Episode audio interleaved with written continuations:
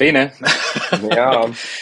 Ja oleme nüüd jälle laivis ja loodame, et kõik kuulevad meid. Mm -hmm.. noh, ongi niimoodi, et meid saab vaadata Youtube'is ja kuulata Apple podcastides, aga ütleme, et ma viimasel ajal olen olnud natukene hõivatud ja laisk selle osaga, et, et vist viimane osa, mis sai üles laetud, on kolmeteistkümnes või neljateistkümnes jagu, kui sedagi.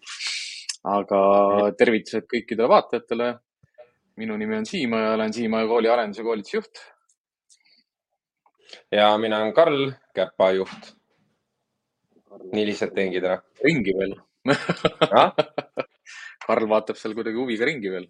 mul on, mul on tegelikult sõber täna külas ja ta peab sauna hetkel sooja, aga ta pani, lasi vist korgid välja korra, et. kõlab hästi kõlab väga hästi, jah. ja noh, kes kes veel postituste alt ei lugenud või, või ei saanud veel teada, et mis meil tänane teema on, siis tänane teema on meil üldiselt seotud vaktsineerimise ja sotsialiseerumisega mm -hmm.. noh, rõhutangi siin sõna, see teine sõna, mis on sotsialiseerumine, mitte sotsialiseerimine. räägi selle sisse tuleb... ära, ma tulen kohe tagasi. seal tuleb osata nagu vahet teha selles osas jah, et, et koeri ei saa tegelikult sotsialiseerida, neil, neid saab lasta sotsialiseeruda ehk siis koer on samasugune loom nagu inimene, ta peab kogema ja nägema ja harjuma paljude asjadega ja sa ei saa nagu sunniviisiliselt äh, koer hakata sotsialiseerima. noh, ütlemegi, et sellised harjutused, kus jah, ma ei tea, söödad samal ajal, kui, kui sa tahad koerale midagi tutvustada või, või sunnid teda kuidagi mingisse olukorda, kus ta ei taha olla ja proovid selle teha kuidagi teda kiites või paitades või, või julgustades või hellitades kuidagi, noh tuttavamaks, et see sotsialiseerimise, noh, sotsialiseerimine ei tööta selleks, et, et koera sotsialiseerida. koer tuleb panna sellistesse olukordadesse jah, kus tal on võimalik sotsialiseeruda. aga kust me nagu teele lähme täna, on rohkem selline vaktsineerimise noh, ütleme hüppelaua pealt otseselt me ei räägi vaktsiinidest ja vaktsiinide mõjust ja vaktsiinide jaotusest ja nii edasi. Eestis on üldiselt lihtne sellega et epideemiat koertel ühegi sellise haigusega ei levi. Mm, noh, marutaudi ei ole, kõik on kontrolli all kenasti, üldiselt ongi suuresti tänu sellele, et vaktsineerimine toimub. ja kui me räägime vaktsineerimisest ja kutsikatest, siis noh, põhiline viga, millega meie oma töös kokku puutume või mida ma ka kutsikakoolis kohtasin, oli see, et kutsikaid hoitakse liiga kaua toas või kutsikatel ei lubata õue minna, kutsikaid, äh, noh, kasvatajad soovitavad, et äh, ärge väga palju liikuge väljas, väiksed ringid, tehke pissikaka ja siis kähku tuppa tagasi ja ja noh, miks, miks see, miks see on halb, miks ei ole vaja oodata kolmandat süsti või siis kompleksvaktsiini kolmandat süsti ära ilmtingimata, et ennem seda ei tohi kuskile minna ongi väga lihtne põhjus selles, et äh, kui te nii kaua venitate, siis kiire sotsialiseerumise periood lõpeb ära. ehk siis see soodne periood, millal koera, koera sotsialiseerida. ja teine mure, mis sellega kaasneb, ongi see, et äh, tõenäoliselt koerad, kes äh, nii noores eas ei ole veel maailma näinud ja kogenud noh, erinevaid asju, siis tõenäosus, et neil tekib käitumisprobleem hilisemas elus on, on väga suur ehk siis noh, see ei ole viiskümmend, viiskümmend, vaid see on rohkem niisugune kaheksakümmend, kakskümmend. et see tõenäosus on äh, noh, väga suur. millega, millega osad koeraomanikud, kutsikaomanikud või inimesed nagu pääsevad, on see, et neil on näiteks suur perekond. Äh, noh, tihe kogukond, kes käib läbi, võib-olla varasemalt juba koerad perekonnas, võib-olla vedas ja koer või kutsikas oli kauem oma vanematega koos, oma, oma noh, karjaliikmetega koos ja sotsialiseerus seal kauem. üldiselt kutsikad antakse ära niimoodi kuus kuni kaheksa elunädal. ja see on kõige parem aeg, millal kutsikat koheselt sotsialiseerima hakata. et mida kutsika arenguperioodidest tuleb nagu teada, mida oluline, noh, kui kellelgi ei ole veel koera või keegi hakkab koera võtma, siis eh, null kuni kaks nädalat on selline periood, või tähendab null kuni kaks päeva on selline periood, noh, kutsikas on sündinud ja kõige rohkem mõjutab kõike tema kogemust nagu ema. noh, kaks asja, mida mis tal on olemas sellel ajal või kolm asja on, ta tunneb lõhna, ta tunneb vibratsiooni ja ta tunneb temperatuuri ei näe, ei kuule, üsna abitud, ütleme, ema tõstab neid, ema söödab neid, ema lakub neid, et nad hakkaksid pissile, kakale, ema puhastab neid, ema liigutab neid.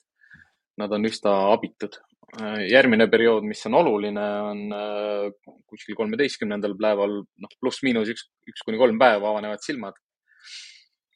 silmade avanemisega seoses hakkab äh, koer väga palju nagu tajuma kõike seda, mida ta ümberringi näeb noh, ehk siis ta hakkab juba neid lõhnu panema kokku oma nägemisega ja hakkab äh, oma tundeid kokku panema oma nägemisega, aga noh, see ei ole ka veel selline lõplik periood, millal hakkab tohutult kiire õppimine pihta, et tohutult äh, kiire õppimine hakkab pihta kuskil kaheksateistkümnendal või kahekümnendal päeval, siis kui tal avanevad kõrvad. kõige viimasena nad hakkavad kuulma ja, ja siis hakkab kiire sotsialiseerumine pihta, sest ta kuuleb, näeb, tunneb, tajub, kõik asjad hakkavad õppima ja harjuma, nad lähevad pesast kaugemale, nad lähevad emast kaugemale. ja, ja nii edasi, ütleme, et siin tuleb see nina, silmad, kõrvad sisse, ehk siis, et mm -hmm. noh, mis järjestuses me koera meeli vaatame ja nende prioriteete seame. et noh, ütleme, ma ei tea, millal sa viimati kellelegi rääkisid sellest nina, silmad, kõrvad? ma pole ammu kutsikatega tegelenud, kusjuures ja. ütleme, oli mingi selline periood, kui ma korrutasin seda nagu noh, enam-vähem nagu aamen kirikus mm. -hmm. saage aru nagu, et kuidas koerad elavad maailmas. ai, seda, seda osa, et noh, kuidas mm -hmm. koer maailma näeb ja tunnetab, seda ma räägin kogu aeg. et mm -hmm. nina, silma, nina, kõrvad, silmad on ju, et et seda ma ja ma noh, seletan läbi selle seletan päris palju asju lahti ka just koera juures, et kuidas nagu miks ta mingit moodi käitub ka, et, et mm -hmm., kui su koer nagu kogu aeg jääb silmadega kuhugi kinni, ega see väga tore ei ole, et koeral on silmad suht ühel eesmärgil väga tähtsad, et tegelikult need kõik kolm on lihtsalt, sa saad isegi selle paika panna, kus koer jahi, jahti peab, et noh, nina, kõrvad, silmad, et noh. nina, silmad, kõrvad. jah nina on, nina on kuskil kuuskümmend viis protsenti kogu informatsioonist, mis koer saab või ütleme, et sellega saab mõõta ka nagu informatsiooni kvaliteeti nagu mm, -hmm. et millist informatsiooni ta kõige paremini tõlgendab, ongi nina, ninaga saadud informatsioon, see on kõige varasemalt tal olemas ka ja tänu sellele on ka ninad hästi tugevad koertel mm. -hmm. silmad on jah, ütleme kuskil kakskümmend viis protsenti sest äh, nad ei näe väga palju värve, eks see ongi enam-vähem must, hall, pruun, punast võib-olla mingil määral ja nad näevad teravalt horisontaalselt. Ja nende noh, nägemislaius ei ole lai. nii lai kui inimestel on kitsam. ja noh, kolmas asi ongi kuulmine, kuulmine on koertel väga hea.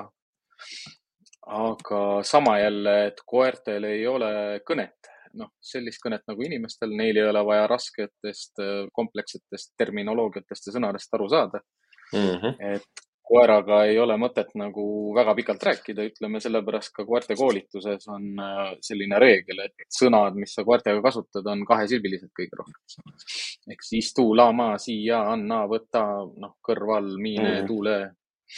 et ei oleks äh, pikemaid, pikemaid lauseid ja sõnu et äh, noh, see ongi esimeste arenguetappidega seotud see, kuidas ta oma ülejäänud elu elab, noh samamoodi sotsialiseerumine.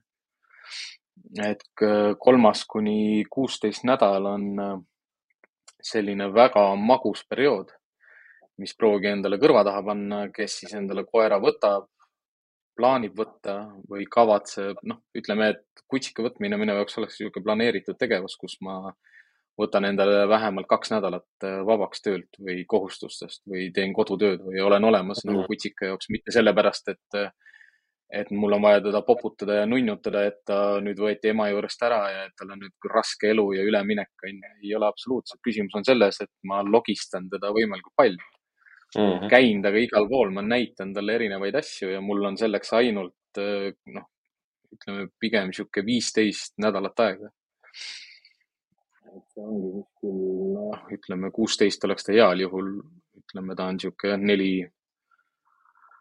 mis ta on, kolmekuune kutsikas, kaks pool, kaks pool, kolm, et noh mm., mitte, mitte rohkem. miks, miks edaspidi muutubki raskemaks nagu sotsialiseerimine on sellepärast, et äh, muutuvad sellised asjad ole, oluliseks nagu sotsiaalne positsioon karjas. ehk siis noh, kui tal on, kui tal on kahekümnendal päeval on nina, silmad, kõrvad lahti, ta liigub ringi, siis ta õpib palju, ta tajub palju, ta saab aru, mida ta võib teha, mida ta ei või teha, mis on hea, mis ei ole, keda ma katsun, keda ma ei katsu, kui kõvasti ma hammustan, kui kõvasti ma hammustada ei tohi ja mis nagu viga tehakse, ongi see, et, et kutsikale ei tutvustada, tutvustada maailma õigel ajal. ja noh, mina ei tea, enamus. käitumisprobleeme on seotud sellega, et koer ei ole lihtsalt sotsialiseerunud õigel ajal õigete inimeste, õigete koerte, õigete piltidega, õigete keskkondadega. Või noh, mitte õigetega, ütleme siis vajalike keskkondadega, vajalike inimestega, vajalikul arvul koertega. Jah, noh, siin selle nende kutsikate õppimisega, see on, noh, sealt on nii, noh, see üks, see teema täna meil ongi see, et noh, minu jaoks on ka see, et äh, mina hea meelega võtaks noh, ma toon alati kutsikate puhul hästi hea näitena selle, või me oleme minu meelest, kas me oleme siin seda videot näidanud või mitte, kus see kuldne retriiver on kutsikatega onju, et noh. meie video peaaegu sai bänni selle eest ja, ja autorikaitse et see, see on nagu noh, see on, kui, kui valesti inimesed loevad koeri, et noh, see on gruppides ka üleval olnud ja nii edasi, et see on oh, nii halb ema ja nii edasi. Youtube'is on see video, video pealkiri on jube hea, et on kogemustega ema ja mis on, vastabki tõele, et äh, ta on, nõuab rahulikkust, ta ootab, kuni kutsikad maha rahunevad, tegeleb siis ja see näitab, kui mulle meeldib, et need kutsikad saavad algusest peale juba õige sotsialiseerumise nagu emakoera poolt, et mm, -hmm. et noh, nii, nii palju, kui ma teg-, noh, ma tegelen viimasel ajal hästi-hästi palju koertega ja just selle osaga, et kui noh, see sotsiaal, sotsiaalsusega, et äh, noh, inimestel on, noh, kardeldakse mingi ajani kuhugi minna, arstid ütlevad, et mingi ajani ei tohi minna. ja siis on lõpptulemus on see, et sul on anti, noh, ütleme antisotsiaalsed koerad mhm. tegelikult, et nad ei oska suhelda. et, äh, et äh, see on nagu nii, noh, ma näen iga nädal kümnete koerte kaupa seda, et no ei tea, kuidas olla teiste koertega, noh. Mhm. et äh, enamus saavad hakkama ja hakkavad hakkama saama, ega see ei ole midagi nagu ületamatut, aga see oleks kõvasti lihtsam, kui nad oleks õigeaegselt sotsialiseeritud olnud. Mhm. no et ütlemegi, et äh, noh, alati ei õnnestu see sotsialiseerimine ka, et eh, noh, sa ei tea, kuidas su soer, koer sotsialiseerub, sa võid teda noh, viia erinevatesse kohtadesse, aga seal ongi osad kutsikad on rohkem stressis erinevates olukordades. samamoodi jälle õppimine on pidurdatud, et, et noh, tuleb olla teadlik ja aru saada sellest, et, et mis on kutsika jaoks nagu aktsepteeritav või vastuvõetav nagu nii-öelda väljakutse ja mis on tema jaoks nagu tagasihoidev väljakutse, mis ei lase tal õppida või ei lase tal edasi areneda mm.. et nojah, ütleme noh, mina, ma samastan alati ka sellise agressiooni teise inimese, teise looma, teise elusalendi vastu sellega, et ta ei ole sotsialiseerunud õigel ajal mm. -hmm. ja tal ei olegi mingit muud võimalust, kui noh, valida, noh, et kas ma põgenen või ma ründan ja, ja tavaliselt rihmas olles koer pigem ründab, sellepärast et ta ei saa ka olukorrast ära minna ta teab, kui pikk tal rihm on, ta ei saa olukorrast taganeda, ainuke valik, mis tal ongi, on rünnata ja, ja noh, sealt ainult asjad eskaleeruvad tihtipeale mm. -hmm. mis äh,, kui me. vahepeal edasi läheme. kas meid kuulaks ku,, kas meid on kuulda ka ikka või? igaks juhuks peab küsima, pärast me siin jahvatame juba viisteist minutit. Öelge meile tere, kui kuulete vaatame, vaatame. ootame, ootame. ootame. laseme koguda. Enge, ütle tere ära vähemalt, siis on korras. just kokku. või siis öelge, kui te ei kuule. pange näpud püsti või number üks või. aa, no nii ah,. tuleb, tuleb kõik korraga mm. -hmm. no tere kõigile ja. tere, tere. Liina ja Jan. no siuksed uued nimed jah, keda ei ole varem tähele pannudki. Aga tere, Enge ja lähme edasi, et Rein ka. et kui me lähmegi edasi sealt, ütleme, noh, ütleme, et me me kuulasime arsti nõuannet, me võtsime nõu kuulda sellele, et noh, me ei saanud koeraga kuskile välja. teine variant on ju, noh, ma elan maal hobusega. Ma olen oma aias, mul ei ole võimalust linna minna ja mul läheb samamoodi see sotsialiseerumise periood mööda, kus ma saaksin talle näidata ja tutvustada erinevaid asju.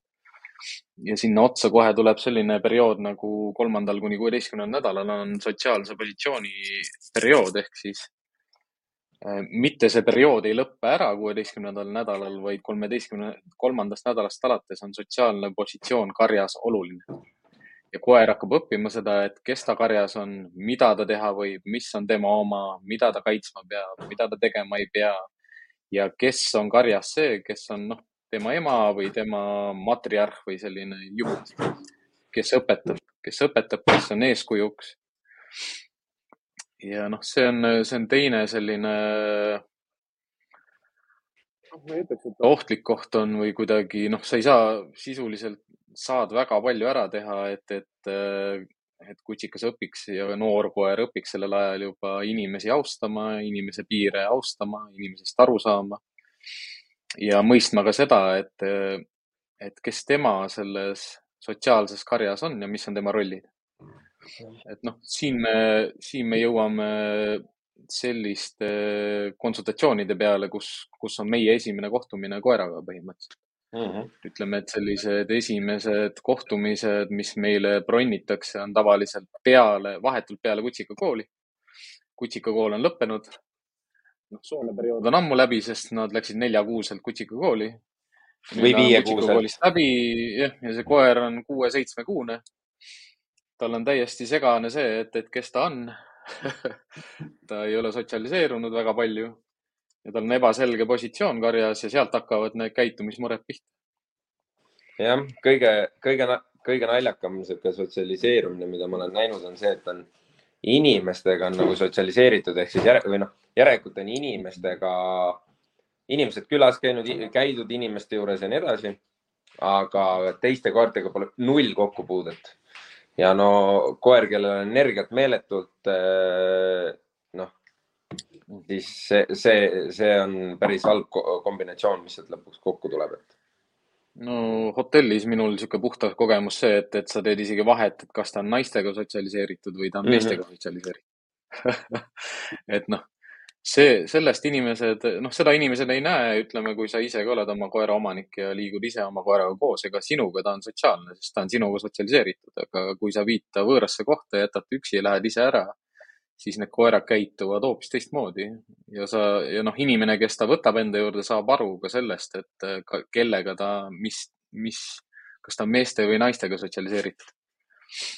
no siinkohal ma toon jälle noh, võõr, võõra koeraga on raske sellistes olukordades, kus ta ei ole sinu koer, sest äh, tema sotsiaalne positsioon on õpetatud sinu järgi ja sinu reeglite järgi. nüüd see uus inimene peab, kui tema ei lepi nende reeglitega ja hakkab oma reegleid seadma, ta võib minna koeraga konflikti. või siis vastupidi, see, see koer ei aktsepteeri nagu mitte ühtegi liigutust. noh, sa teed kõike valesti, sa kummardad valesti, sa vaatad valesti, sa liigud valesti ja ta muutub agressiivseks juba sellepärast, et eh, noh, kui sa ei reageeri sellele või sa ei saa aru sellest mm. või siis annad talle kogu aeg ruumi ja taganed igas sellises sotsiaalses olukorras, kus ta nõuab ruumi. noh, ütleme, et jah, ega võitlema ei ole pidanud ühegi koeraga nagu ütleme, hotellis on rohkem sellist asja, noh, noh, kui nad on hotelliboksides, siis nad on nagu noh, kinni surutud või sellises põge-, noh, pole võimalust põgeneda, taganeda pole võimalik aga agressiivselt nad käituvad ikkagi, ega nad ei ründa otseselt, aga nad urisevad, hauguvad, näitavad hambaid, nad ei taha, et sa lähedale tuled mm. -hmm. mida, mis, mida ma tihti nagu inimestele seletan jah, et selle agressiooni taga on tihtipeale ka seda, et äh, ta lihtsalt ei saa aru. ta ei saa aru, noh, koer ei tea esiteks, et ta on hotellis. aga teiseks, noh, ta ei pea ka aru saama, et see ei ole ohtlik olukord sest koerad ei ole ju ratsionaalsed nagu inimesed, et eh, noh, teine asi see on ju, et, et, et keegi ütleb, et kuule, et Karl on, Karl on koerte koolitaja ja käitumisspetsialist, et kui sa tema juurde lähed, et siis on kõik korras, et noh, arvesta sellega, räägid neli päeva ennem, kui sa Karli juurde koera viid, et siis ta kohe teab, et kõik on korras, väga hästi mm. -hmm ei no kohati, kohati inimestel jääb see, kohati inimestel jääb see mulje. aga mida ma alati seletan, on see, et miks minul ja sinul koertega lihtne on, on see, et neil on hästi lihtne meid lugeda. me ei tee üleliigseid liigutusi, me ei jutusta äh,. me, me ei katsu, me ei vaata, me ei räägi ja koeral on hästi mugav ja reeglid, ja, ja, on, ja reeglid ja piirid no, on kogu aeg samad alati, et.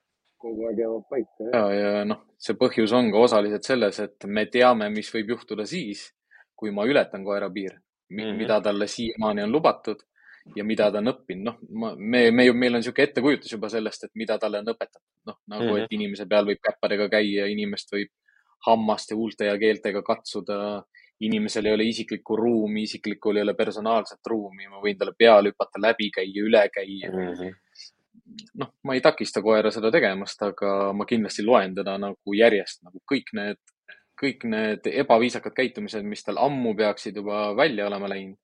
ehk siis noh, kutsika kiire sotsialiseerumise perioodi võlu ongi see, et kutsika närimine, tuppa pissimine hammusta, hammustustugevus ja selle reguleerimine ja piirid, reeglid, kord saavad selge, saavad selgeks, kui sa tead koertest midagi. kui sa ei tea koertest midagi, siis närimine jääb alles peale kutsikaperioodi, tuppa pissimine, kakamine jääb pärast kutsikaperioodi, peale hüppamine jääb alles, niisugused ebaviisakad käitumised, mida ükski koer tal ei lubaks teha, kui ta mm. elaks, noh, koertega koerte karjas. noh, mida ma olen tegelikult kuulnud, kogenud ja näinud ka, on see, et osad kasvatajad ei anna kutsikat ära enne, kui ta on poole, pooleaastane. jah, aga seal, aga sealjuures ei lasta teda kokku täiskasvanud koerte või inimestega. Et noh, minul ei oleks selle vastu midagi, mulle isegi meeldiks, kui kutsikas oleks kauem oma ema ja isaga, kui seal on veel koeri ja seal on inimesi ja kõike ja nad käivad ja tegelevad. Mul ei oleks midagi selle vastu, siis ma oleks just, ma oleks niisuguse kasvatuse poolt väga, kui keegi viitsiks nii nagu, palju. muidugi. vaeva näha, siis ma oleks, aga noh, see tänapäeval ongi kõige naljakam, ongi see, et ini-, noh, sa ütlesid ennem, et sina ei takista, mina sean küll koertega üsna tihti, eriti kui nad on juba seal üle-aastased, et mi, mina annan kohe selgelt mõista, et sa ei tule ilma kutsumata minu isiklikku tsooni, piiri, ei ületa seda, et äh, minule peale hüppa, mhm. minu lähedale sa ei tule, kui ma ei ole kutsunud. noh, üldiselt ja alguses ma ma tahan teada, kui hull asi on mm, -hmm. siis ma panen enda jaoks need, äh, selle intensiivsuse, ma tahan seda intensiivsust teada mm. -hmm. ma tahan teada seda aega, millal ta ära lõpetab mm. -hmm. On selline koer, et ta jääbki hüppama nagu elektrijänes on ju, loomulikult ma reageerin sellele, aga ma ikka annan neile sihuke, noh, ütleme päris minutit võib-olla jah ei anna mm. -hmm. aga ütlemegi, et see mõistlik aeg on, oleneb natukene tõust, oleneb koera kasvust, oleneb olukorrast, oleneb keskkonnast vahest ma lasen neil üsna pikalt nagu käituda nii, nagu nad on harjunud käituma, aga Ai. ei, varem või hiljem ma võtan ikkagi selle juhtimise üle, noh näiteks kui ma pean hakkama inimesele õpetama, kuidas oma positsiooni karjas parandada või, või ma pean selle koeraga veel jalutama minema, noh. mul on palju lihtsam võita see positsioon karjas enne seda, kui ma jalutama lähen, kui kui minna nüüd veel selle koeraga jalutama ja hakata kohe alguses temaga võitlema, et ei, ei noh, tegelikult ikka sina ei juhi mind, mina juhin sind. jah, see, ma just käisin siin ühe kliendiga tegelemas eile, üleeile, üleeile äh,.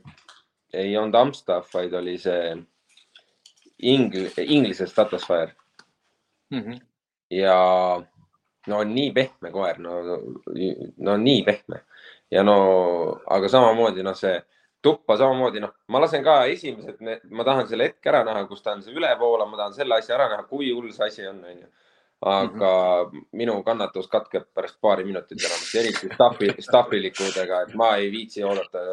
Noh, ma näen, et sealt ei tule seda niipea, kui ma veel kõnnin ringi ka, kui ma liikuma hakkan, nii ta läheb uuesti ja.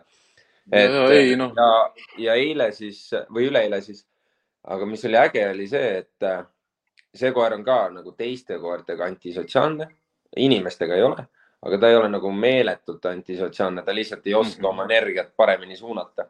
ma siinkohal ütlen kõigile mhm. ära selle, et koera jaoks üks lihtsamaid oma energiat vabastada on hammustus tegelikult.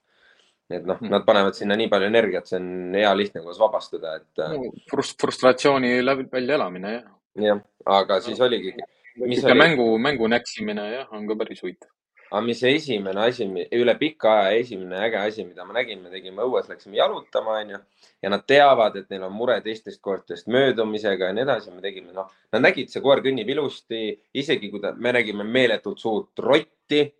Lasnamäel kõndisime mm, -hmm. no kõndis, siis reageeris selle peale, tuli ilusti tagasi. ma ei, selles mõttes ei jäänudki üldse muretsema, et see koer tuli mm -hmm. kohe tagasi, ta ei jäänud kinni, ta võttis kontakti, kõik näitasin inimestele asjad ette, vaatasin, näe, toimib ja andsin, noh, hakkasin neid õpetama. ja siis meesterahvas võttis uuesti koera enda kätte, et läheb tiirutab seal, me olime ühes pargilaadses kohas. ma ütlesin, et mine tee see ring, seal oli üks sihuke väiksem ring, mida võimalik teha, aga ta nägi eemalt koera, ma nägin, kuidas ise, mina olin öelnud, et tee väike ring, ta läks hoopis selle koera suunas ja ta nimelt sundis ennast kohe sellesse situatsiooni, milles ta teab, et on probleemid mis oli äge näha üle pika aja, et mm -hmm. inimene, ma tean, mul on probleem, ma lähengi seda nüüd, noh, ma õpin seda, mida ma sellest jalutamisest niisama õpin, ma lähen siis juba sellesse, et noh, et see on, see oli äge näha, aga jälle noh, täpselt samamoodi jälle antisotsialiseerimata mm. -hmm.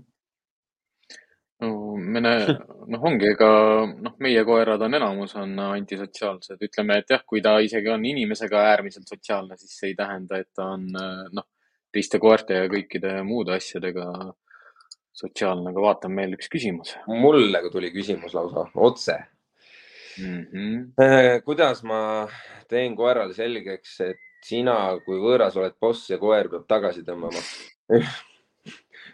üldiselt ma ei, kõik, okei okay,, ma seletan selle hästi lihtsalt lahti, miks ma üldiselt ei pea isegi koerale mitte mingit moodi märku andma peale selle, et ma olen kohal. on see, et koer saab sellest koer saab aru kohe, et karja dünaamika on muutunud, kuna inimesed, kelle juurde ma lähen juttu või noh, keda ma lähen õpetama või kelle, kelle probleeme ma lähen lahendama, nemad on sunnitud mind kuulama. koer saab juba sellest aru, et ka nema, et need inimesed on minule suunatud, ehk siis mina juhin neid hetkel ja koer võtab selle mhm. samamoodi. Nii, pean silmas, kui lähed esimest korda kohtuma, siis mm -hmm. koer on hüperaktiivne äh,. täpsustav küsimus täpsustav küsimus üldiselt ole, seal oleneb jälle, kui hüperaktiivne on, et kui ta jääb ikkagi niimoodi kinni, et ta on, on, on, on, on, on, siis ma ja ma näen, et ta ei noh ku,, kuule, ei kuule, ei tunne lõhna, ainult silmad kontakt, kontaktis mm -hmm. minu kehaga. kiirelt puudutus, et endale kontakt saada, et ta ei võta, et see aju vabastaks, siis ma ehmatan aju välja sellest, kuhu ta kinni jääb üldiselt. aga neid, neid situatsioone, kuidas neid noh, mul ei ole ammu olnud seda, et see koer ei saaks mu kohalolust juba aru, et tal oleks nagu mõistlik rahuneda, et mm., et ja kui tõesti maha ei rahune, kui ta on nagu lihtsalt meeletult hüperaktiivne, rihv kaela ja teele, hmm. ei viitsi oodata, kuni rahuneb, lähen jalutan nii kaua, kuni maha rahuneb, siis hakkame tegelema, et hmm ütlemegi, et see ongi sellises järjekorras, et kui sa sisened äh, koera juurde, kelle juures sa ei ole käinud, esimene reegel, mis on äh, juhi omadus, on ei katsu, ei räägi, ei vaata. sest sa ei jaga koerale tähelepanu vale käitumise eest, sa ei vaata teda, kui ta käitub valesti, sa ei reageeri talle, sa ei räägi temaga, sa ei keela teda, kui ta, kui ta on ülevoolavalt nagu ebaviisakas Mm -hmm. aga noh, sealt edasi ongi, kui ta puudutusele ei reageeri, ehk siis see puudutus, mida me kasutame, on kas siis kaelapiirkonda või noh, ütleme kael ja turi, kus läheb kokku, see piirkond saab hammustada. ja teine, järgmine asi, mis mina teen, on see, et ma palun talle kasvõi kaelarihma kaela panna ja ma hoian teda kinni lihtsalt. hoian teda endiselt rahulikult kinni. noh, ütleme jah, kõri alt, mitte, mitte ülevalt poolt ei riputa teda, vaid hoian teda lihtsalt paigal, et ta, noh, et ta rahuneks maha. jah, järjest niimoodi õpetama, et mis on see käitumine, mida ma tahan, vahet ei ole, kaua see aega võtab. iga kord on..., kui ma tulen, ma olen rahulik, ei katsu, ei räägi, ei vaata, ma nõuan oma piire ja ma rahustan su maha seal on, seal on. kui sa hakkad kordama seda uuesti ja uuesti ja uuesti, siis su koer saab aru sellest, et ainukene õige valik, mis tal teha saab, on äh, maha rahunemine, sest siis võetakse sotsiaalne surve ära ja lastakse koer vabaks. seal on. Äh, hiljem harjub sellega, et, et tal ei ole mõtet äh, karata ja hüpata ja, ja, ja näseleda kogu aeg. seal on see, et noh, ma alati inimestele ütlen ka, et kui sa tahad, et su koer maha rahuneks, sul ei, noh, sa ei saa oodata koera maha rahunemist, kui sa ise rahulik ei ole ehk siis nagu Siim seletas, et ta hoiabki koerast kinni. See, mina ütlen alati selle kohta, et koeraga on hästi lihtne tegeleda, kui sul on niisugune riigiametniku telliskiviga näkku naeratu sees, et sa oled niisugune lihtsalt monotoonselt tuim. et noh, mind ei kõiguta mitte mi-, noh, seal on see, et mind ei, mind ei suuda nagu koera sihuke mm -hmm. vale käitumine enamasti mitte kuidagi üllatada, ehk siis see ei löö mind rivist välja ja ma olengi meeletult rahulik mis annab koerale selle võimaluse. sa oled nagu, sa oled nagu Inglismaal need, vaata nende kõrgete ja, tumedate mütsidega vennad, kes seisavad seal stoiliselt, kui neil on vaja, siis nad reageerivad, kui ei ole vaja, siis ta lihtsalt seisab. et üldiselt ma no, koera. keegi ei saa öelda, keegi ei saa öelda nende puhul, et oo, et ta ei reageeri ja et ta magab põhimõtteliselt ja väldib. ei, ta ei väldi. ta teeb oma tööd, ta on oma koha peal, ta on kahe jalaga maa peal ja ta teab täpselt, kus ta on, mis ta teeb ja miks ta seal on. et ei ole niisugust küsimust nagu jah, et lisaks on seal nagu see, et äh, ma koera enamasti ikkagi puudutan siis, kui koer on alustanud sellega, et ta puudutab ise mind juba. et äh, koerte mm -hmm. maailmas on niisugune asi, et igal reaktsioonil on vastureaktsioon. ehk siis, kui tema puudutab mm -hmm. mind, siis ma puudutan lihtsalt vastu, et anna mõista, et kuule, tagasi. aga mina jah, mina isiklikult äh, olen läinud seda nii-öelda lihtsamat teed, ehk siis kui ma näen, et see koer on tõesti noh energiast täis laetud, eh, tiirutab mööda tuba, hüppab üles-alla, jookseb edasi-tagasi, rihm kaela teele. et eh, tõmbame esimene fooni, esimese fooni maha, panen juba jalutuse ajal selle, et ei lähe, noh, kõnnib minuga kaasa, mitte mina ei kõnni temaga kaasa. ja sealt edasi nagu lihtsam, et neid situatsioone, kuhu ma lähen, missugune koer on, neid on nii palju erinevaid, aga see, kuidas mina sisenen, on alati üks ja sama, ma ei vahi koera, ma ei näpi teda ma lasen mhm. tal alguses olla, ootan, kas rahuneb ise, ei, rahune, siis mingi hetk annan mõista äh,.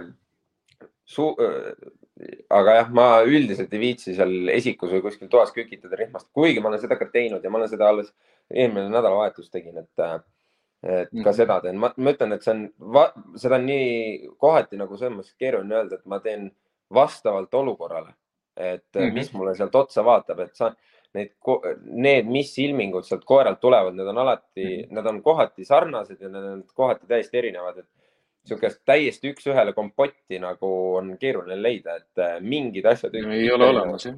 ei ole olemas jah, et äh, sellist üks-ühele vastust, mis ma täpselt, mis ma täpselt mhm. teen, sellist üks-ühele vastust mul ei ole anda kahjuks. mul on erinevaid asju, mida ma teen, aga üks-ühele vastus on see, et alati, alati monotoonselt sisse.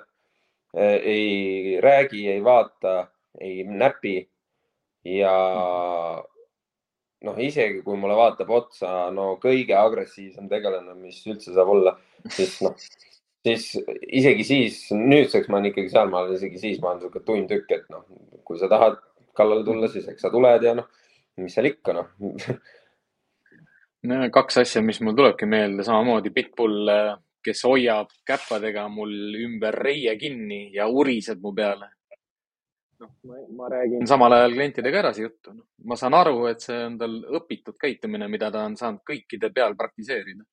aga kui ta nüüd juba mind hammustanud ei ole, siis ta ei hammusta ka, ta lihtsalt annab endast maksimumi, et mind alla suruda mm. -hmm. aga ütleme, see, see sihuke elektrijänes, keda ma mäletan, viimati tuli lihtsalt meelde üks kolmekuune retriiver sa oled toas maas, räägid juttu, näitad, kuidas kutsikale õpetada, istud, lamad, seisad, kuidas temaga mängida, miks ta mängib, räägid seal juttu, kuidas piire seada ja noh mm -hmm., noh, sama, mida, mida sa räägid, on ju, et ei seisa nagu purgis ka paigal mm. -hmm. ja noh, seal ongi see, et sul ei ole seal toas enam mitte midagi rääkida nendele inimestele, see koer on lihtsalt vähe liikunud.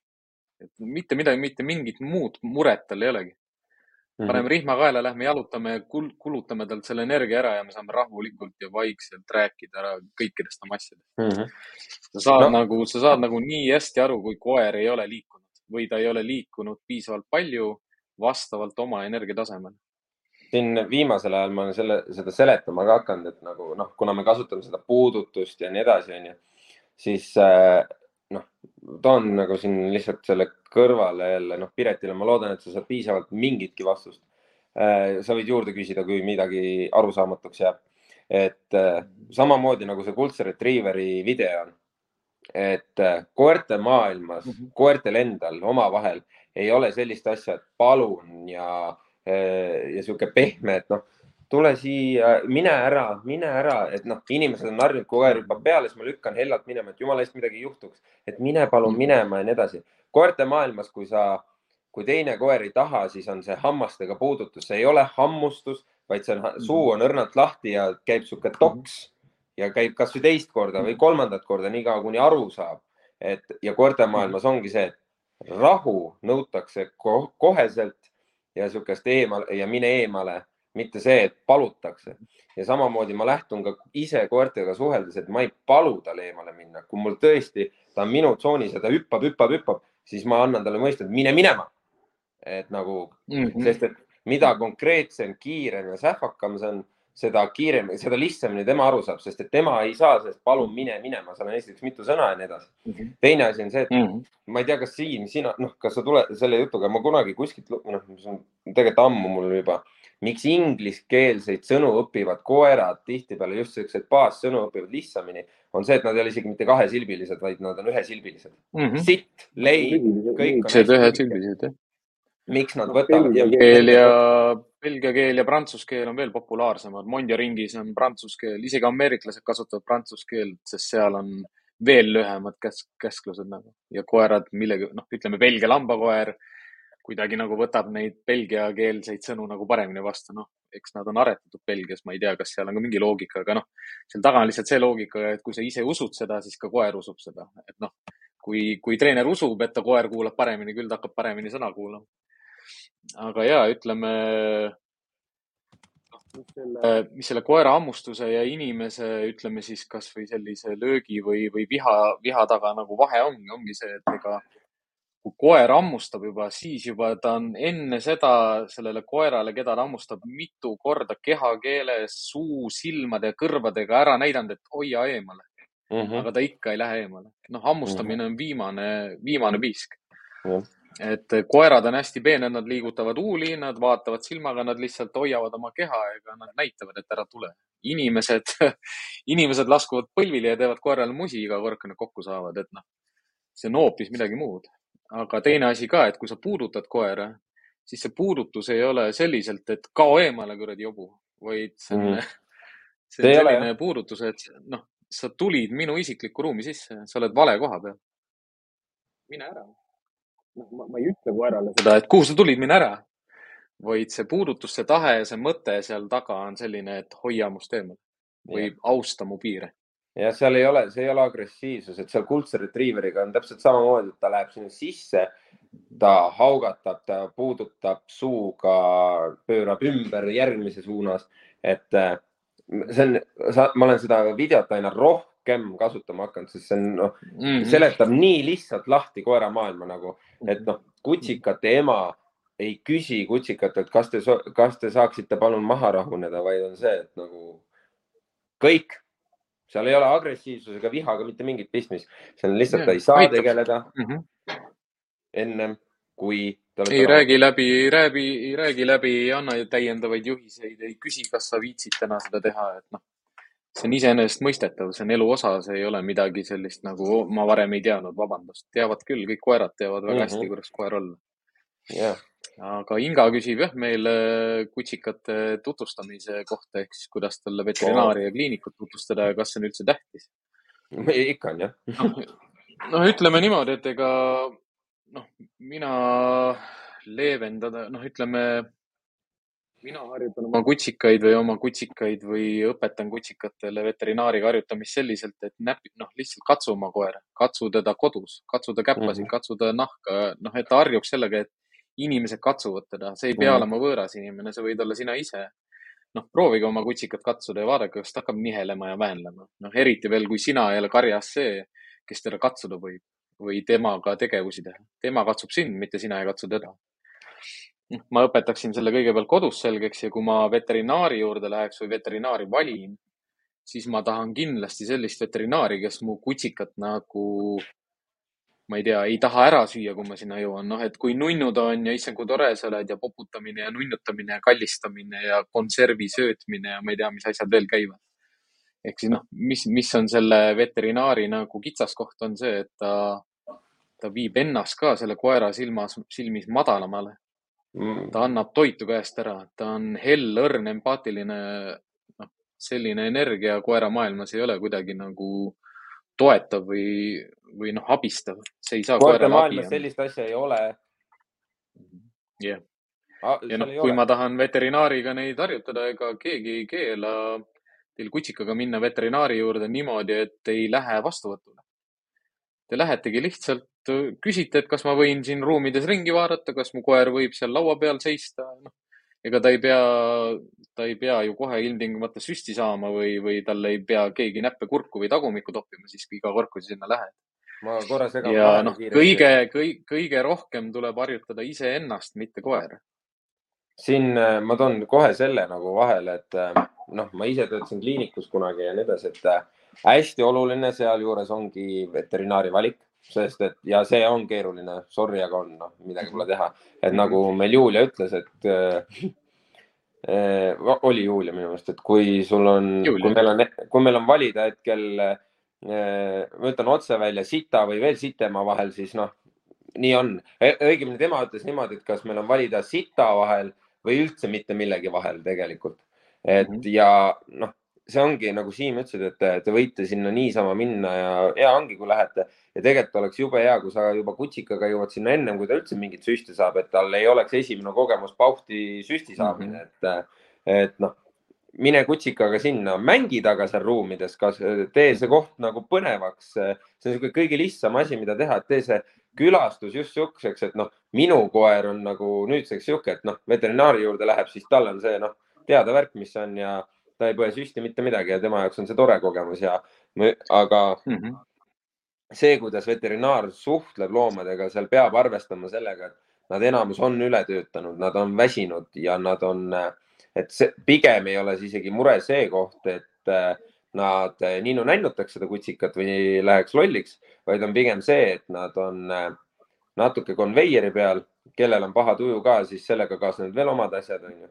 et äh, endiselt teen tuimat reklaami, minge selle loomakliinikusse mm. -hmm et äh, valige, keegi ei käsi teil nagu kodu lähimas äh, käia, parimas käia. Valigegi endale veterinaar selle järgi, kes austab teie koera piire ja privaatsust ja seda, mida teie tõeks peate.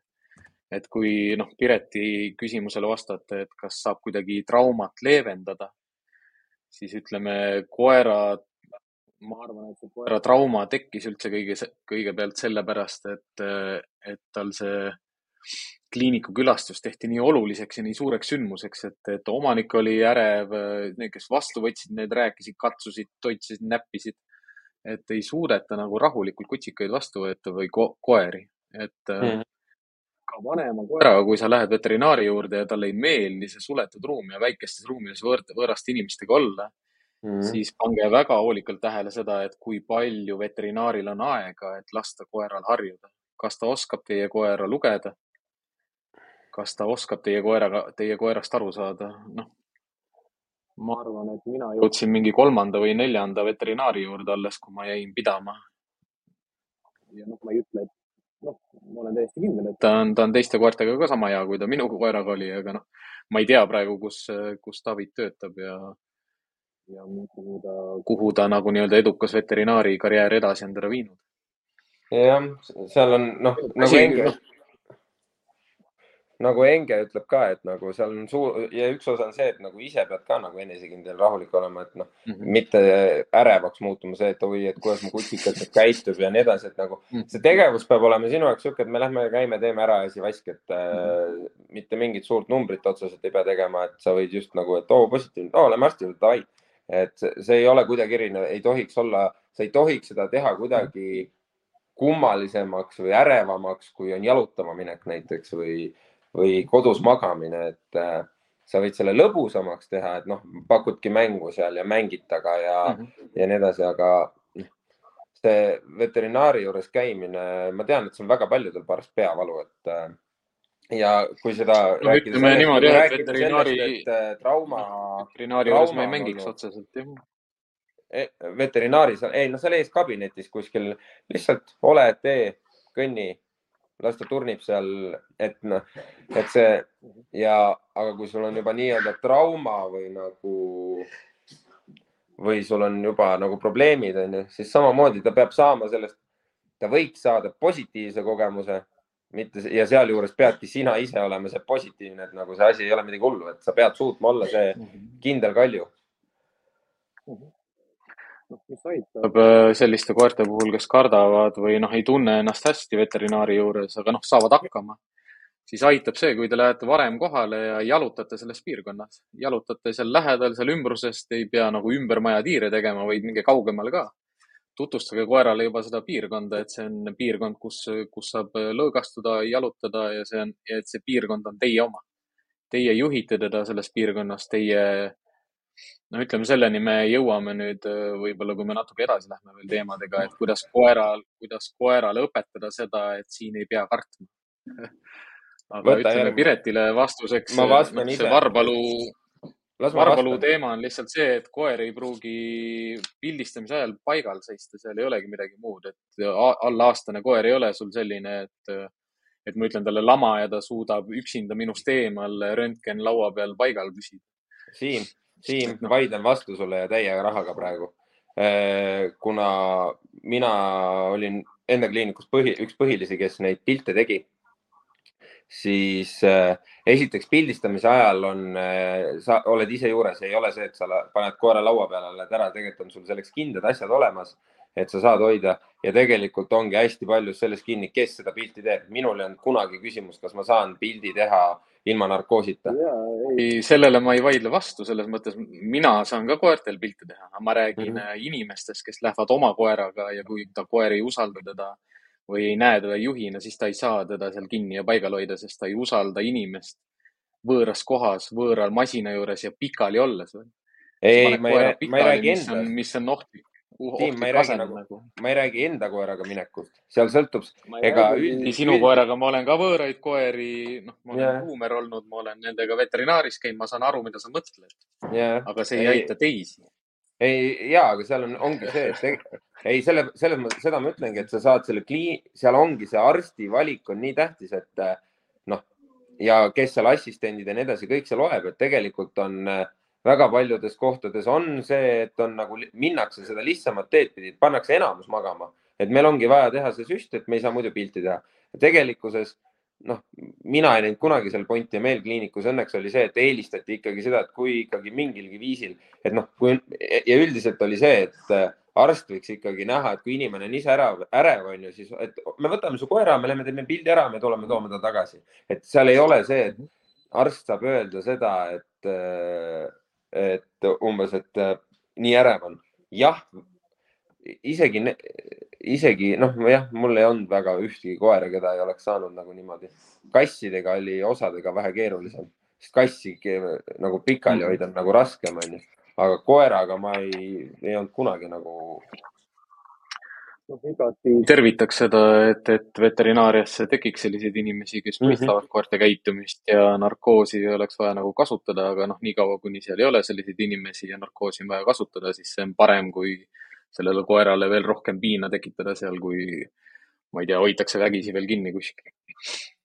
aga jõuame sellise perioodi juurde, mida ka kõik äh, kogevad, on siis selline kaksteist nädalat kuni kuus kuud ja suurtematel tõugudel kaheksateist kuni kakskümmend neli kuud on siis selline periood nagu puberteediiga või puberteediperiood või siis noore koera periood. sinna sisse mahub ka niisugune periood nagu noore koera hirmuperiood ja sellel perioodil võib käia veel, noh, käib niisugust kaks klõpsu ära. üks asi on see, kus koer hakkab kartma asju, mida ta varem ei kartnud.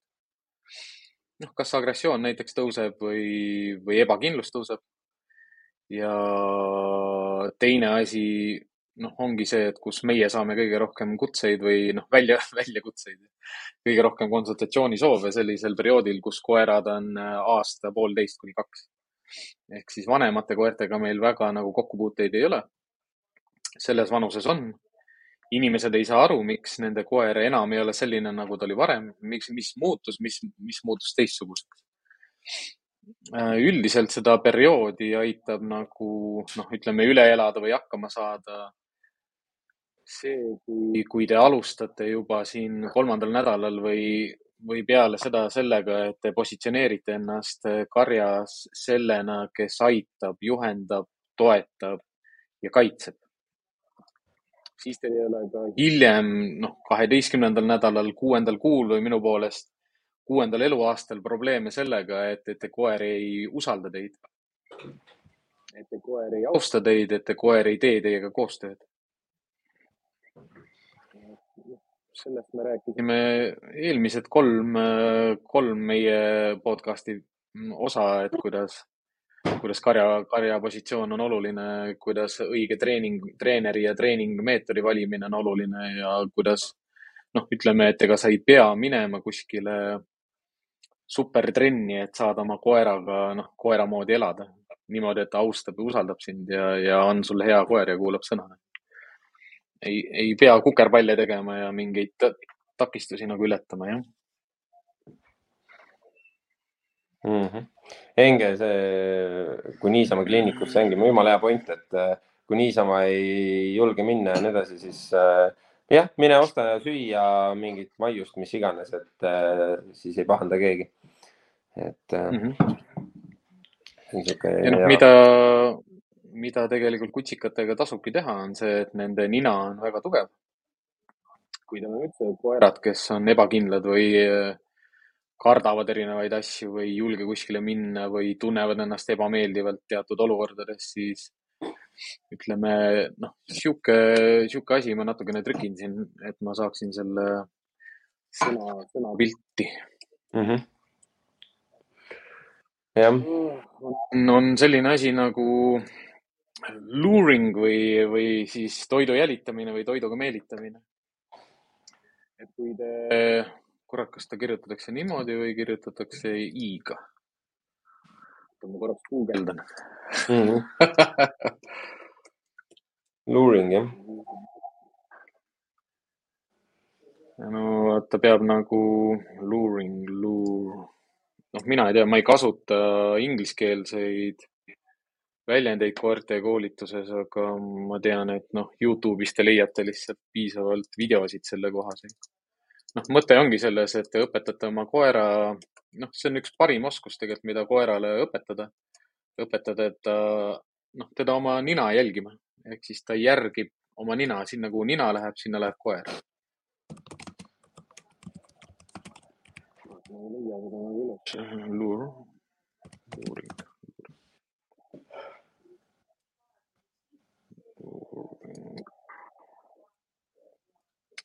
Dog training. ikka luuring, luuring, luuring, luuring paar sellist äh, praegu leidsin, kus on ikkagi jah, luuring luuring. luuring. ei, luuring ikka. ja noh, noh, minu jaoks, mida ma palju kasutan, kui, kui koeral on ebakindluse probleemid, eriti kutsikatel. Noh, ütleme, et noh, ebakindlust ma nagu kategoriseerin niimoodi, et on on reaktiivsus, on ebakindlus ja on hirm mm. -hmm. Need on kolm erinevat, täiesti erinevat asja. et isegi kui inimesed helistavad ja kutsuvad külla, et mu koer kardab kõike, ta on hirmul ja, ja hästi ebakindla käitumisega, siis kui ma kohale jõuan, siis mina kategoriseerin selle enda jaoks nagu teisiti, sellepärast ma ei näe samat pilti, mida inimesed näevad mm. -hmm. ja ütleme, see luuring on või selline toiduga, noh, toidu jälitamine või koera nina enda peale võtmine ongi sellepärast hea, et äh, selle eesmärk ei ole koerale süüa anda.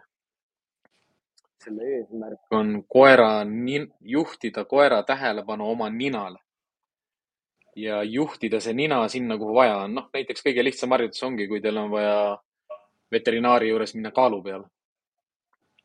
Noh, sa võid kaalu peale muidugi lihtsalt rihmaga ka minna aga ütleme koerte puhul, kes kardavad või noored koerad, kellega lihtsalt harjutada, ütleme mängida veterinaari juures toiduga. ongi lihtsalt harjutada seda, et kaalu peale, kaalu pealt maha, kaalu peale, kaalu pealt maha. ja noh, te võite talle süüa anda, aga otseselt ei ole see vajalik ja ei pea andma. ja sama, sama tehnika või siis sellise jälitustehnika saate viia maailma. treppidest üles-alla, noh, ma ei tea, betoonplokkide peale, mööda käsipuid Mm, pakud, kännud metsas, mäest üles, mäest alla, augu sisse, august välja. noh, käidki ringi niimoodi kaks silma lahti, otsid selliseid kohti, kus koerale selliseid väikseid väljakutseid esitada. ja, ja noh, näitad talle, mida teha saab ja et see on lõbus ja kasulik. noh, üldiselt kogemus näitab niimoodi, et kui on koerad, kes on ebakindlad või, või kardavad või on reaktiivsed, siis ka selline maailma näitamine neile aitab väga palju kaasa oma hirmudest ja, ja kartustest üle saada. mitte sellepärast, et sa söödad talle midagi head koos, koos ras-, noh, kui on raske koht ja sa annad talle head, mitte sellepärast, vaid sellepärast, et ta lihtsalt kogeb, et ta neli käppa maas saab kõikide väljakutsetega hakkama, mis talle esitatakse ja see teeb koerad oluliselt nagu enesekindlamaks, seda enam, mida rohkem erinevaid olukordi sa suudad talle tutvustada mm. -hmm. teine, teine variant muidugi ongi see, et äh, riht kaela ja jalutama. näita, näita koerale maailma. aga näita talle maailma niimoodi, et sina viid teda sinna maailma. mitte tema ei vii sind sinna maailma, vaid sina viid teda kõikidesse situatsioonidesse ja oled ise eeskuju. ehk siis ma näitan sulle oma eeskujuga, milline ma olen selles olukorras mm. -hmm. noh, ma ei teagi, ütleme. enamus selliseid äh, koduvisiite või noh, kuidas me nimetame, patsientideks ei nimeta ütleme, keda viimasena on nõustatud, ega erakonsultatsioon. ma ei ole juba ammu kogenud, kus ma pean, kus ma pean koeraga noh, mööda liivakasti ääri jalutama ja niimoodi edasi, et ta õpiks ronima ja turnima ja hüppama. selliseid asju ma ei ole pidanud tegema enam, aga seda on küll hästi palju, et võta lõpuks ennast kokku ja ole oma koera jaoks juht. ole oma koera jaoks tugi, ole oma koera jaoks see, keda jälgida, kelle järgi joonduda ja keda usaldada, keda austada sama, sama, mis, mis tegelikult Karlil ennem selle veterinaariga nagu seos loobki, on see, et kui noh, kui sa töötad näiteks kruum, kruumerina või töötad veterinaarina või sa töötad kuskil, kus sa pead koeraga tegelema, ütleme ka noh, meie hea sõber on ju sõbranna Karolin Tohv, kes on koerte massöör. et seesama, et, et sa saad alati iga koera juurde minna niimoodi ja, ja seada piirid, reeglid ja korra paika ka selliselt, et sa lihtsalt oled, puudutad ja noh, manipuleerid koera selles mõttes mitte, mitte ei manipuleeri sellega, et sina, kes sina oled ja kes tema on mm, vaid katsud, puudutad, silitad, masseerid, pigistad, hoiad kinni, et ta, et ta harjuks sellega, et sa ei taha talle midagi halba.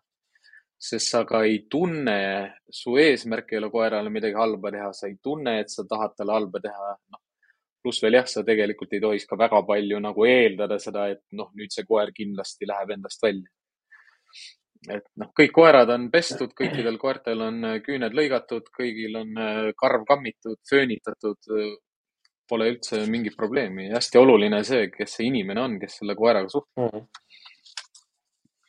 ükskõik jah no,, mis teenus kes ükskõik jah, mis teenust nagu kuskilt võtate, vahet ei ole, olgu see veterinaar, olgu see, tänapäeval on jube popp, ei ole isegi veterinaarid, kes hambakivi eemaldust pakuvad, äh, nii edasi, nii edasi, nii edasi. kusjuures see on jumala äge, et on inimesed, kes pakuvadki koertele hambakivi eemaldust ja see on see, et nad ei pane ju magama neid, nendel ei ole seda nagu võime, võimalust, et selles mõttes järelikult nemad teevad täpselt samamoodi nagu meil sõbranna Karolin on ju, et noh, nad suudavad mm -hmm. hallata koer, koera muud moodi, kui on äh, nii-öelda see narkoos, mis on nagu minu meelest mm -hmm. mõistlik, et mm.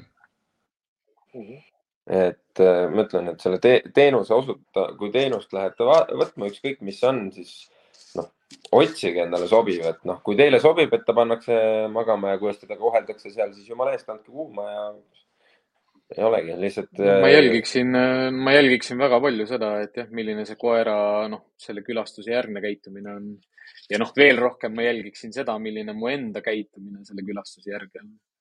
et äh, suur viga, mida inimesed teevad, ongi see, et nad äh, muretsevad pärast väga palju selle pärast, et koeral oli raske. Nad lohutavad, noh, üritavad lohutada koera, et tal oli raske ja nad tunnevad ennast veel pärast paar päeva süüdi, et mm. koeral oli veterinaari juures raske. ei no jah, see. lõppkokkuvõttes noh, mida, mida see teeb, on, on, see teeb koera jaoks selle asja veel kümnekordselt raskeks, kui ta ei, noh, kui inimene ei lõpeta sellist sellist, sellist käitumist ära, sellist mõttelaadi ära ja sellist käitumist ära. kõige hullem asi, mida veterinaari juures tehakse, on nii, kui koerad läheks süstida, kiunatab ja karjub, siis on see, et hakatakse, hakatakse teda näppima, paitama, kussutama, nunnutama ja mida ma siinkohal jälle toonitan seda, ainuke asi, mida te tol hetkel teete, on see, et te annate koerale kiituse, et see, et sa nõrk oled hetkel ja see, et sa karjud ja üritad põgeneda ja sul on see, see on õige ei, see ei ole õige. et mida rohkem sa seda teed, seda rohkem hakkab koer tegema, sest tema on sellest seal inimese käest mõista, et nii, nii on hästi, nii on okei okay. mina näiteks no,, mu, mul... mu koer saab ka haiget vahest ja juhtub igast asju. mu hästi hea näide on aastaid-aastaid tagasi. mu koer tuli mulle vastu oks läbi käpa, noh, siit kohast jooksis niimoodi läbi naha oks. ma ei läinud paanikasse, ma ei hakanud teda kussu nunnutama, lonkas onju, valus onju ma lõikasin ühelt poolt oksakääridega selle tüki ära, onju, tõmbasin teisest otsast välja, lasin äh, äh, pastat täis, ütlesin head teed, noh, mitte midagi rohkemat mm -hmm. ja mhm. koer ei mädanenud ära, koer ei surnud ära ja ta ei karda ka midagi. et noh noh, mul ka kahjuks või õnneks on äh, palju selliseid kogemusi, kus mul koerad on katki läinud, noh teenistuses, kui me treeninguid teeme, siis seal ikka aeg-ajalt juhtub üht-teist ja vahepeal oligi niisugune tunne nagu, et ma elan nagu veterinaari juures, noh õnneks, õnneks siis tööandja maksis arveid vähemalt. Mm.. aga, aga noh, mõte ikkagi jälle seesama, et ma ei saa oma energiat kuidagi madalaks lasta, kui ma lähen oma tugeva ja jõulise koeraga veterinaari juurde. kui mina ei ole rahulik, siis tema ei suuda olla rahulik. ja kõige huvitavam ongi selle veterinaari puhul olnud see, et ainukene, üks inimene sai korra, korralikult minu koera käest hammustada ja põhjus oli selles, et ta tahtis talle pea peale pai teha.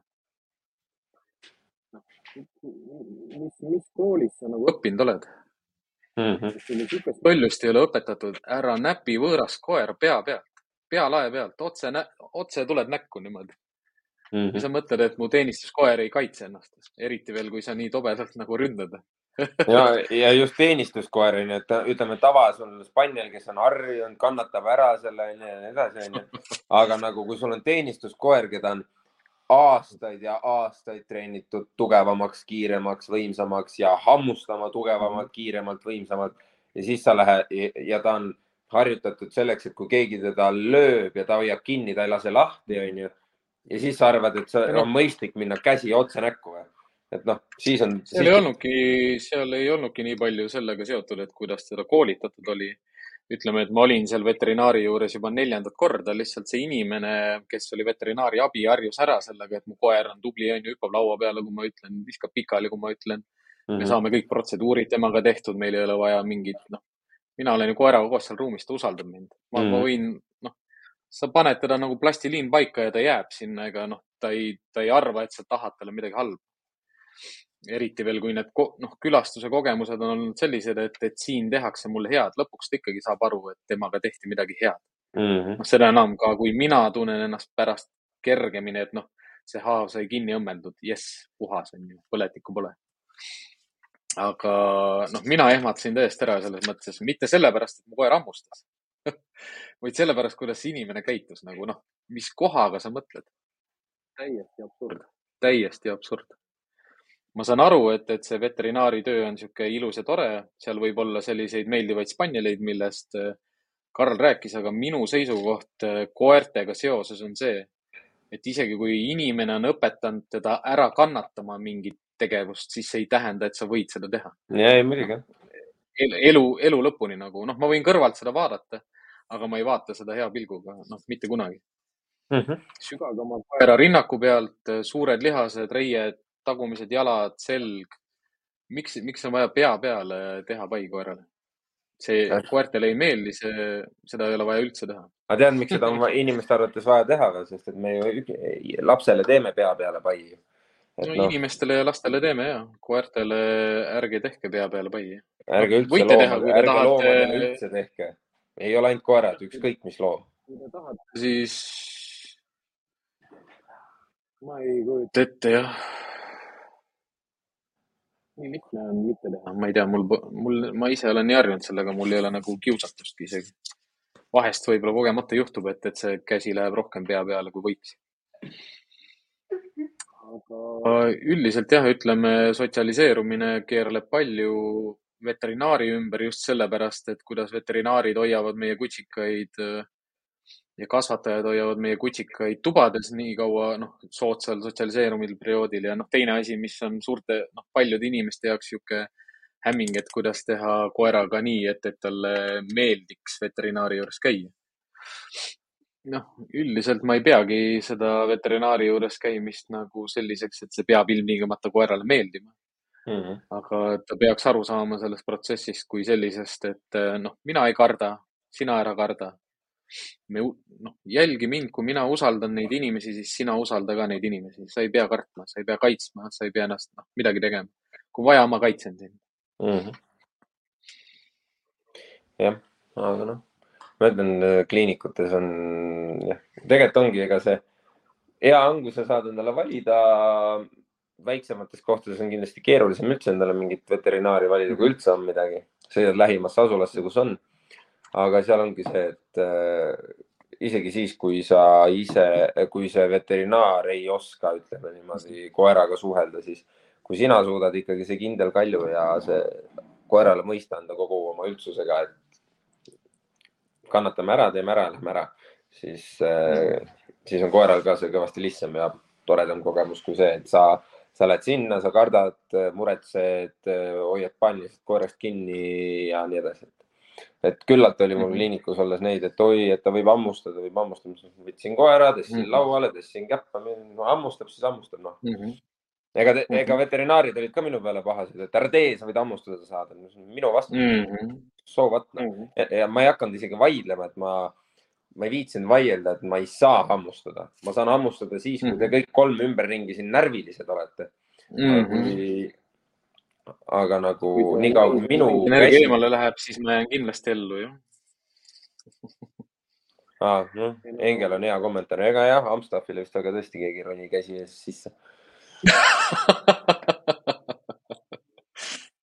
ja no see oligi huvitav jah, et, et, et minu Belgia lambakoerad olid nagu, no eks nad on ikkagi natukene nunnumad kui bitid ja, ja molossid on ju jah mm. -hmm. aga noh, tark, tark inimene teab neid ka teab neid ka mingil määral natukene nagu vältida jah, et sa ei lähe torkima. mina, ma selle torkimise. nagu koha... austus, austus nagu koera vastu ka, et see ei ole sinu koer, miks sa tuled miks on vaja? Ja enne mina... kui sa üldse katsutad, küsi minu käest luba. Äh, mina mäletan seda küll, äh, mina olen teinud seda nagu, kus ma lähen võõrast koera, kõige põnevam koht, kus ma võõrast koera läksin näppima, sest et eh, noh, tol hetkel ma teenistuskoertest juba teadsin nii mõndagi, aga nagu väga tegelenud ei olnud. Ja ma läksin Tartus samale üritusele, kus me oleme kunagi koos olnud, aga see oli aasta varem, ma käisin Intellektikal mm -hmm. ja seal oli piirivalvekoer oli üksi jäetud sinna mingi asja külge kinni. vaatasin, pall mm -hmm. oli tal ka seal, istus seal niimoodi mm. -hmm. mina läksin sinna, istusin maha ta kõrvale ja nii me kahekesi istusime sealt, mängisime palliga ja mm -hmm ja siis tuli see koerajuht, see hoidis peast kinni, noh, see oli samamoodi mingi mm -hmm. noh, KK1-d ja kõik asjad seal noh, selgeks õpetanud onju.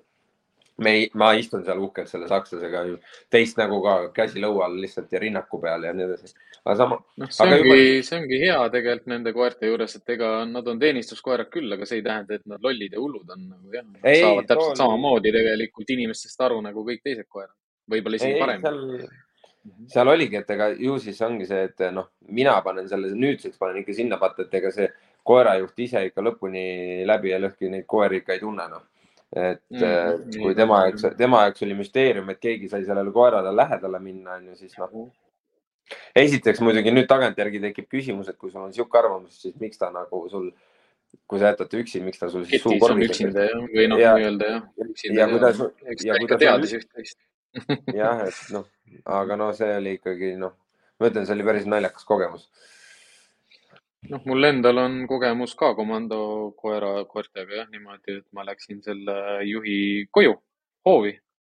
tal oli kaks koera hoovis lahti mm. -hmm. kui samamoodi sa tead, kuidas sa ei ole ohtlik koertele, sa võid igale poole minna niimoodi, et, et need koerad ei tee sulle midagi, kui sa ei esita neile väljakutset ja sa laagris, ei ole ju. laagris elab see ka komando juht või? Ja kuskil seal ja mm. -hmm. ma tean, et tänast silmas on selle asja nimi. ja, aga noh, kui me tänase teema kokku võtame, siis tuletan mm -hmm. meelde, et äh, esimesed kaks nädalat kutsikas ei näe, ei kuule, on emast aga sõltuv mm. -hmm kolmteist pluss äh, päeva, üks, kolm, üks kuni kolm päeva otsa avanevad silmad. kaheksateist kuni kakskümmend päeva avanevad kõrvad ja mhm. kahekümnendast päevast alates on see koer käsn ehk siis ta õpib kõike hästi kiiresti. ja mis on oluline teile meelde jätta, on see, et see lõpeb ära. kiire sotsialiseerumise periood lõpeb ära ja lõpeb järsku ära ja see läheb üle kohe sellele puber-, noh, ütleme mitte puberteediperioodile, vaid ta läheb üle sotsiaalsele perioodile, kus on noh, koht karjas oluline.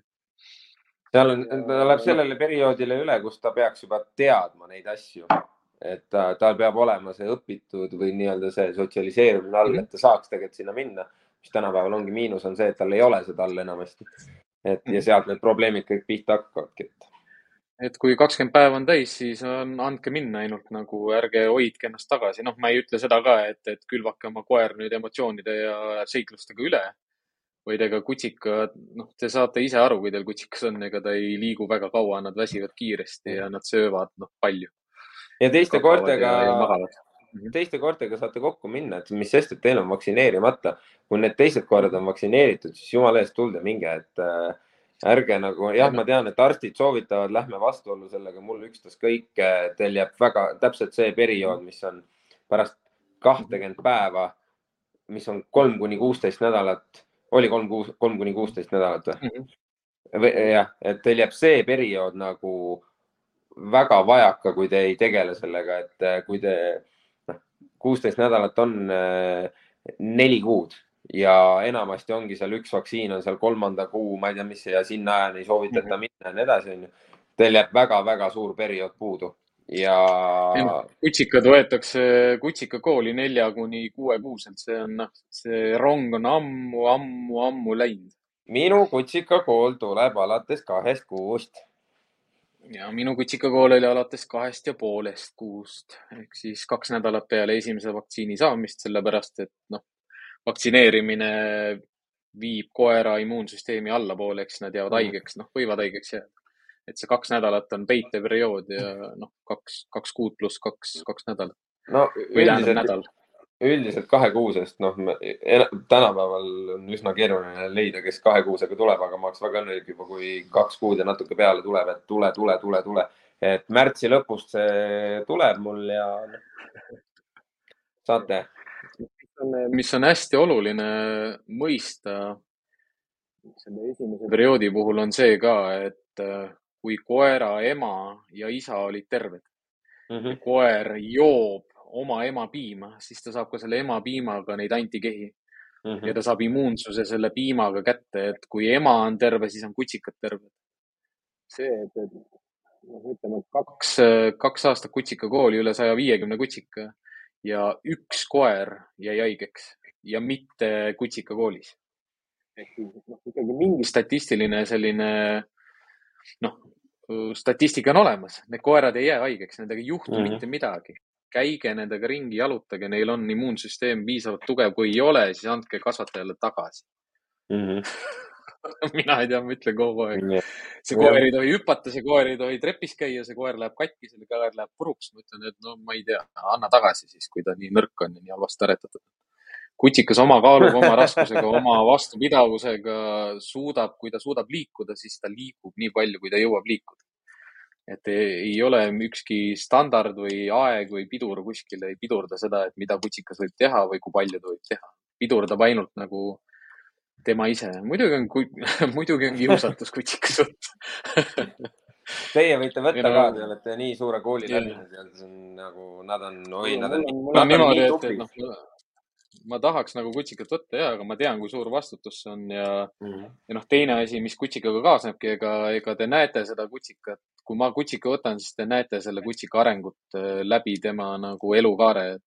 Mm -hmm. ma võtan, võtan üles iga tema liigutuse ja seletan sinna juurde ära, mis ma selle kutsikaga teen ja te näete, milliseks see kutsikas kasvab ja mul ei ole vahet, mis tõugu kutsik, koera kutsikas see on. Koerad ei sünni maailma agressiivseks ja, ja kõik koerad su- on väga õppimisvõimalused või Mhm. võimelised. jah, ja muidugi võtke kutsike, võtke, võtke, kui teil on vähegi võimalus, siis koer on kõige parem õpetaja kõikidele inimestele. kuidas, kuidas õpetada tingimusteta armastust ja, ja, ja konflikti lahendamist, ütleme niimoodi rahulikult, vaikselt ja ilma sõnadeta. Mhm. kes, kes see teile seda, teine teile seda suudab õpetada, isegi ükski inimene ei suuda seda teile väga hästi õpetada, mingi Dalai-laama võib-olla või kui sa lähed Tiibetisse mungaks. aga noh, kui sul on hea koer ja, ja sa oled ta sotsialiseerunud õigesti ja õpetad talle lihtsaid, kergeid asju, kuidas koer olla, annad mõista, kes sa oled, noh, ta on lihtsalt asendamatu kaaslane teel ja ta õpetab sulle väga palju. iga koer õpetab sulle midagi uut ja õppimine ei lõppe, noh, mitte kunagi ära. Iga päev õpid midagi uut. nagu kui sa selles maailmas sees oled ja naudid ja tajud seda, siis siin on nii palju õppida. Mhm. aga tõmbame kokku tänane tänane päev nagu meeldis mulle väga ja, et siin mm. -hmm. tuleb juba siukseid häid äh, kommentaare ja, ja panustatakse nagu kuulajate poolt ka.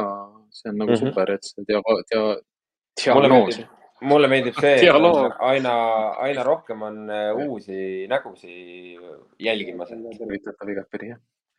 aga ega seal pole midagi ja kohtume, olge kuulajad ja vaatajad edaspidi ja esitage kindlasti küsimusi ja pommitage kasvõi kommentaaridesse alla, et mm. -hmm. need videod jäävad kõik üles meie lehekülgedele ja me vastame kõikidele kommentaaridele ja küsimustele.